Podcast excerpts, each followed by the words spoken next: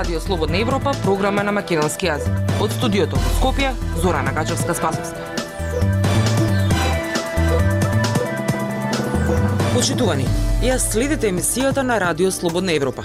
Во неа објавуваме Убедувањето на пратениците за уставни измени преку кампања од 80.000 евра. Патот од Тетово до Призрен, децениско ветување налик на пругата до Бугарија. Две девојки од Аруба волонтираат во Шутка, вклучени се во проектот на Дневниот центар за деца од улица во Шуторизари. Слушајте не. Независни вести и анализи за иднината на Македонија. На Радио Слободна Европа и слободнаевропа.мк со владина кампања од 80.000 евра, именувана како Ние сме Европа. Ке се убедува јавноста за потребата од носење на уставни измени во ситуација кога власта за нив нема двотретинско мнозинство во собранието. Од друга страна пак, лидерот на опозицијата Христијан Мицковски обвинува дека светот и Европа прават стратегија како да го скршат во МРДПМН. Деталите ќе ги слушнете од Михајло Донев. Во време кога власта тргнува во кампања под мотото Ние сме Европа, лидерот на ВМРО ДПМН Христијан Мицкоски се уште го пренесува непроменетиот наратив на неговата партија. Уставни измени под бугарски диктат нема да има. Решение се предвремени парламентарни избори. Овој пат опозицијскиот лидер отиде чекор подалеку, покрај тоа што рече дека ќе се повлече од политиката ако само еден пратеник од неговата партија даде глас за уставните измени. Тој синоќа од Кичево рече и дека светот и Европа прават стратегија како да го скршат ВМРО ДПМН. Мицкоски изгази увереност дека наследните избори, кога и да се случат, неговата партија ќе оствари историски успех. Од друга страна, СДСМ смета дека не се виновни Европа и светот, туку негативниот став на опозицијскиот лидер во реализација на секретаријатот за европски прашања во земјава, а во соработка со владата, вице-премиерот за европски прашања Бојан Маричик ја промовираше кампањата Ние сме Европа во време кога веќе започна процесот за усвојување на уставните измени во собранието, ако има за цел да им ги објасни бенефитите од пристапувањето во ЕУ на граѓаните. Караванот на компанијата ќе опфати 8 градови со повеќе теми, и тоа Скопје, каде темата ќе биде економија, Струмица труд и социјална политика, Прилеп земјоделие, Битола култура, Охрид туризам и животна средина, Тетово млади штип инфраструктура и Куманово енергетика. Токму во време па кога е активна и оваа кампања, заменик помошникот државен секретар на САД Пабло Ескобар доаѓа во земјава, а покрај средби со Ковачевски и Пендаровски, тој ќе разговара и токму со Христијан Мицкоски. Мицкоски пак рече дека секој добронамерен соговорник е добре дојден. И додека е јасно дека преку кампањата Ние сме Европа се оди кон тоа граѓаните да добиваат повеќе информации за самиот процес на преговори и уставните измени, се поставува прашањето дали може да биде доволно да го промене ставот на пратениците и власта да го добие необходното двотретинско мнозинство за уставните измени, несувањето на бугарите во уставот. Според политичкиот аналитичар Синиша Пекевски, не само што оваа кампања нема да вроди со плод, туку тој најпрво го критикува и самото мото на кампањата. Значи, баш буквално, малку е ова време да зборуваме и ние сме дел од Европа, а членка на, на Европската Унија се живува врз нас. Предходно една европска, друга европска член, држава, членка на ЕУ се живуваше врз нас, со небулозни барања, сега имаме втора членка на, на ЕУ што се живува врз нас. Дали е тоа во духот на европските вредности, почитување на сето она што што го пропагира Европската Унија. Коментирајќи го пак ставот на Мицковски за тоа дека светот и Европа се против ВМРО ДПМН, Пекевски вели дека иако одредени светски политичари имаат за цел да се реши прашањето со Македонија, сепак смета дека тоа не е насочено лично кон опозицијата. Слободна Европа. Следете на на Facebook, Twitter и YouTube.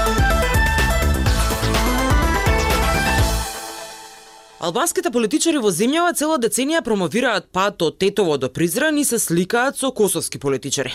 Премиерот Димитар Ковачевски пак вели и комшии може да разговараат за патишта, ама само влади реализираат. Институциите молчат за тоа колку ќе чини и кој ќе го плати патот од Тетово до Призран. Ако одветениот автопат од Скопје кон Косово е завршено само промотивното видео како би изгледал, За најуваниот пат од Тетово до Призран нема ни видео. Изготвена е само физибилити студија. Децениското предизборно ветување на владачката дуи за изградба на пат со кој ќе се скрати патувањето од Тетово до Призран од 108 км на 40 км е далеку од поставување на градежна машинерија на терен. Во промоцијата за изградба на овој пат сега се вклучија и опозицијските партии од албанскиот блок во земјава, кои заедно со косовскиот премиер Албин Курти најавија дека ќе се почне со градба. Станува збор за пат со кој треба да се пресече една од најголемите планини во земјава со тунел долг 6,4 км. Градишните експерти со кои разговаравме тврдат дека тоа е тежок и навистина скап зафат, што во македонски услови е тешко изводливо. Поранишниот министер за финансии Джевдет Хайредини смета дека ова ветување за изградба на патот од Тетово до Призран е нереално поради две причини. Првата е тешкиот планински регион, низ кој ќе треба да се гради, а втората е како што вели политичкиот багаж на владеачката партија ДУИ, која ветува инфраструктура што не ја реализира.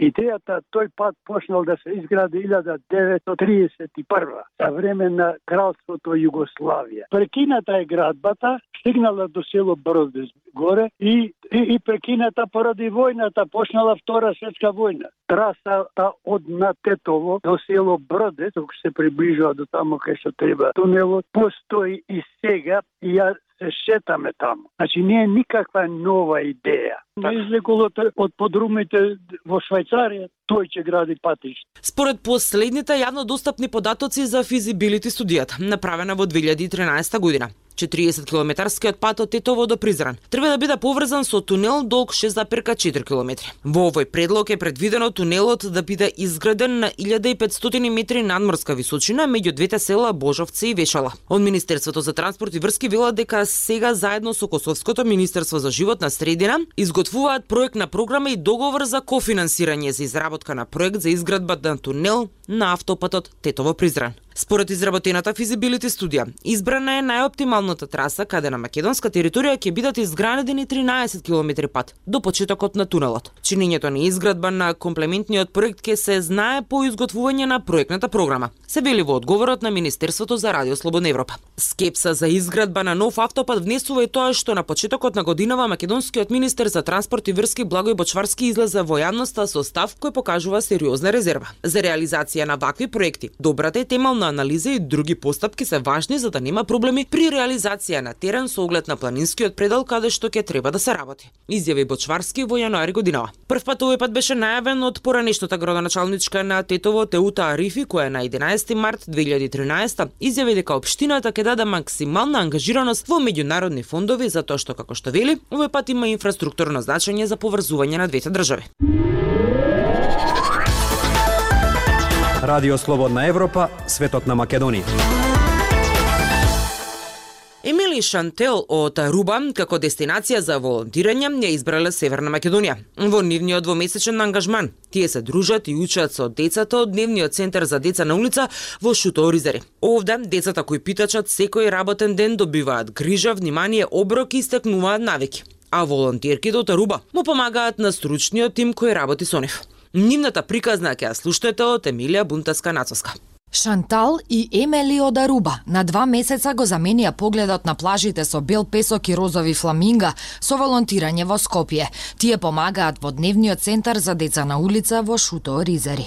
We don't really see that in Aruba. Ние не гледаме вакво нешто во Аруба, главно гледаме возрастни луѓе кои се на улица, но не баш деца. Тоа го крши срцето. Кога слушнав дека се деца од улица, се почувствував лошо и се прашував зошто се нештата вакви. Вели волонтерката Емели Расмеин. На децата им помагаат околу домашните задачи, си играат со нив и како што велат, се трудат да им дадат чувство на припадност. So we do just like with signs and also we try to Комуницираме со знаци, исто така се обидуваме да кажеме нешто на папејементо. Тоа е нашиот главен јазик во Аруба. И некако, поради поврзувањето, можеме да се разбереме едни со други. Додава волонтерката Шантал Бермудес. Таа има 26, да Емели 18 години. Ова е нивно прво волонтирање во странство.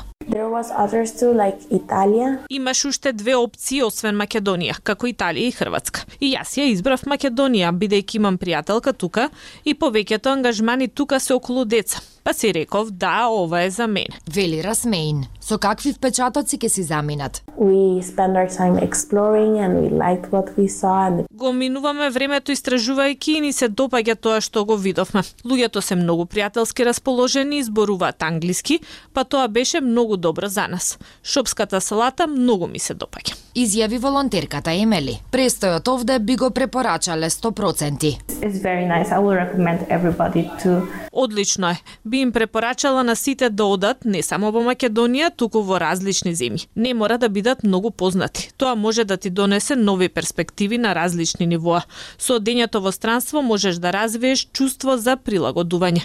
Дознаваш како е да се снајдеш со други култури, бидејќи сите се различни. Додава Шантал. Овде ги донела соработката на волонтерски центар Скопје со организацијата CDA Руба преку Европскиот солидарен корпус како дел од проектот Voices, каде волонтираат и во магазини, подкаст кој има мисија да биде гласот на младите. Актуелности свет на Радио Слободна Европа. Во четири руски учебници по историја за средношколци се вградени четива со кои руските историчари ја оправдуваат војната во Украина и го обвинуваат Западот дека се обидува да ја уништи Русија. Во нив се представени ревидирани толкувања на распадот на Советскиот сојуз за периодот од кога Владимир Путин е на власт. Изборуваат за причините за специјалната воена операција, како што Русија ја нарече војната во Украина. Повеќе за ова ке слушнете од Петар Клинчарски. Ревизионистичките интервенции на историските факти преземени од Кремљ со цел да се оправда инвазијата на Украина, отворено влегуваат во училишниот систем од септември во новата учебна година во Русија.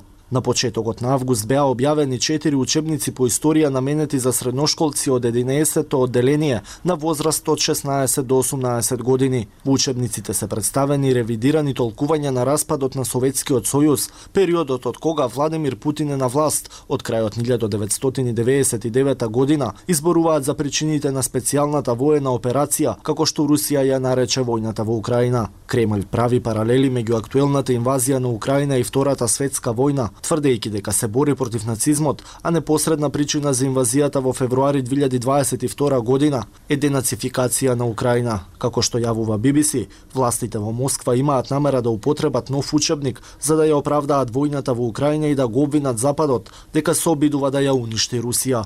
Во учебникот се тврди дека Западот е фиксиран на дестабилизација на ситуацијата во Русија, за да се постигне оваа цел, западните сили шират нескриена русофобија. Се наведува дека Западот ја вовлекува Русија во разни конфликти и дека крајната цел на Западот е да ја уништи Русија и да ја преземе контролата врз нејзиното рудно богатство, се наведува во учебникот. Историчарот Матеј Били од Институтот за современа историја во Прага изјави за Радио Слободна Европа дека наративот за денацификација е конструкција на актуелниот режим на Кремљ и дека се прави обид војната во Украина да биде представена како пошироко прашање. Од почетокот на војната, руските власти повторуваат неколку историски наративи кои ги потенцираат, покрај добро познатото доведување во прашање на украинската нација од страна на Владимир Путин, постојат и конкретни толкувања за крајот на студената војна, колапсот на Советскиот сојуз и односите меѓу Русија и Западот од 1990 година. Вели Били, руските медиуми јавуваат дека во учебникот е наведено дека цивилизацијата би пропаднала доколку Владимир Путин не повел специјална воена операција против Украина. Учебникот според CNN го поддржува и наративот дека Западот е фиксиран на дестабилизирање на Русија и вклучува мапи кои ги прикажуваат окупираните украински територии како дел од Русија. Фотографиите од учебниците објавени од државните медиуми покажуваат дека Украина е наречена ултранационалистичка држава, каде што секое несогласување е осудено и се што е руско е прогласано за непријател. Секако дека имаше неонацистичка сцена и кругови на ултрадесничарски и ултранационалисти во Украина, но нивното влијание е крајно претерано во наративот на Кремљ. Вели Били, додавајќи дека треба да се забележи дека самата Русија е една од најголемите упоришта на неонацистите во Европа. На прашањето како историскиот ревизионизам започнат од Русија се одразува на Европа, Били вели дека тоа зависи од различното историско искуство на одделни земји, но предупредува дека треба да се биде внимателен кога историјата се користи како аргумент за прашања кои се однесуваат на сегашноста. Тоа беше се што ви подготвивме за оваа емисија. Со вас од студиото во Скопје беа Зора Нагажевска Спасовска и Дејан Балаовски. До слушање.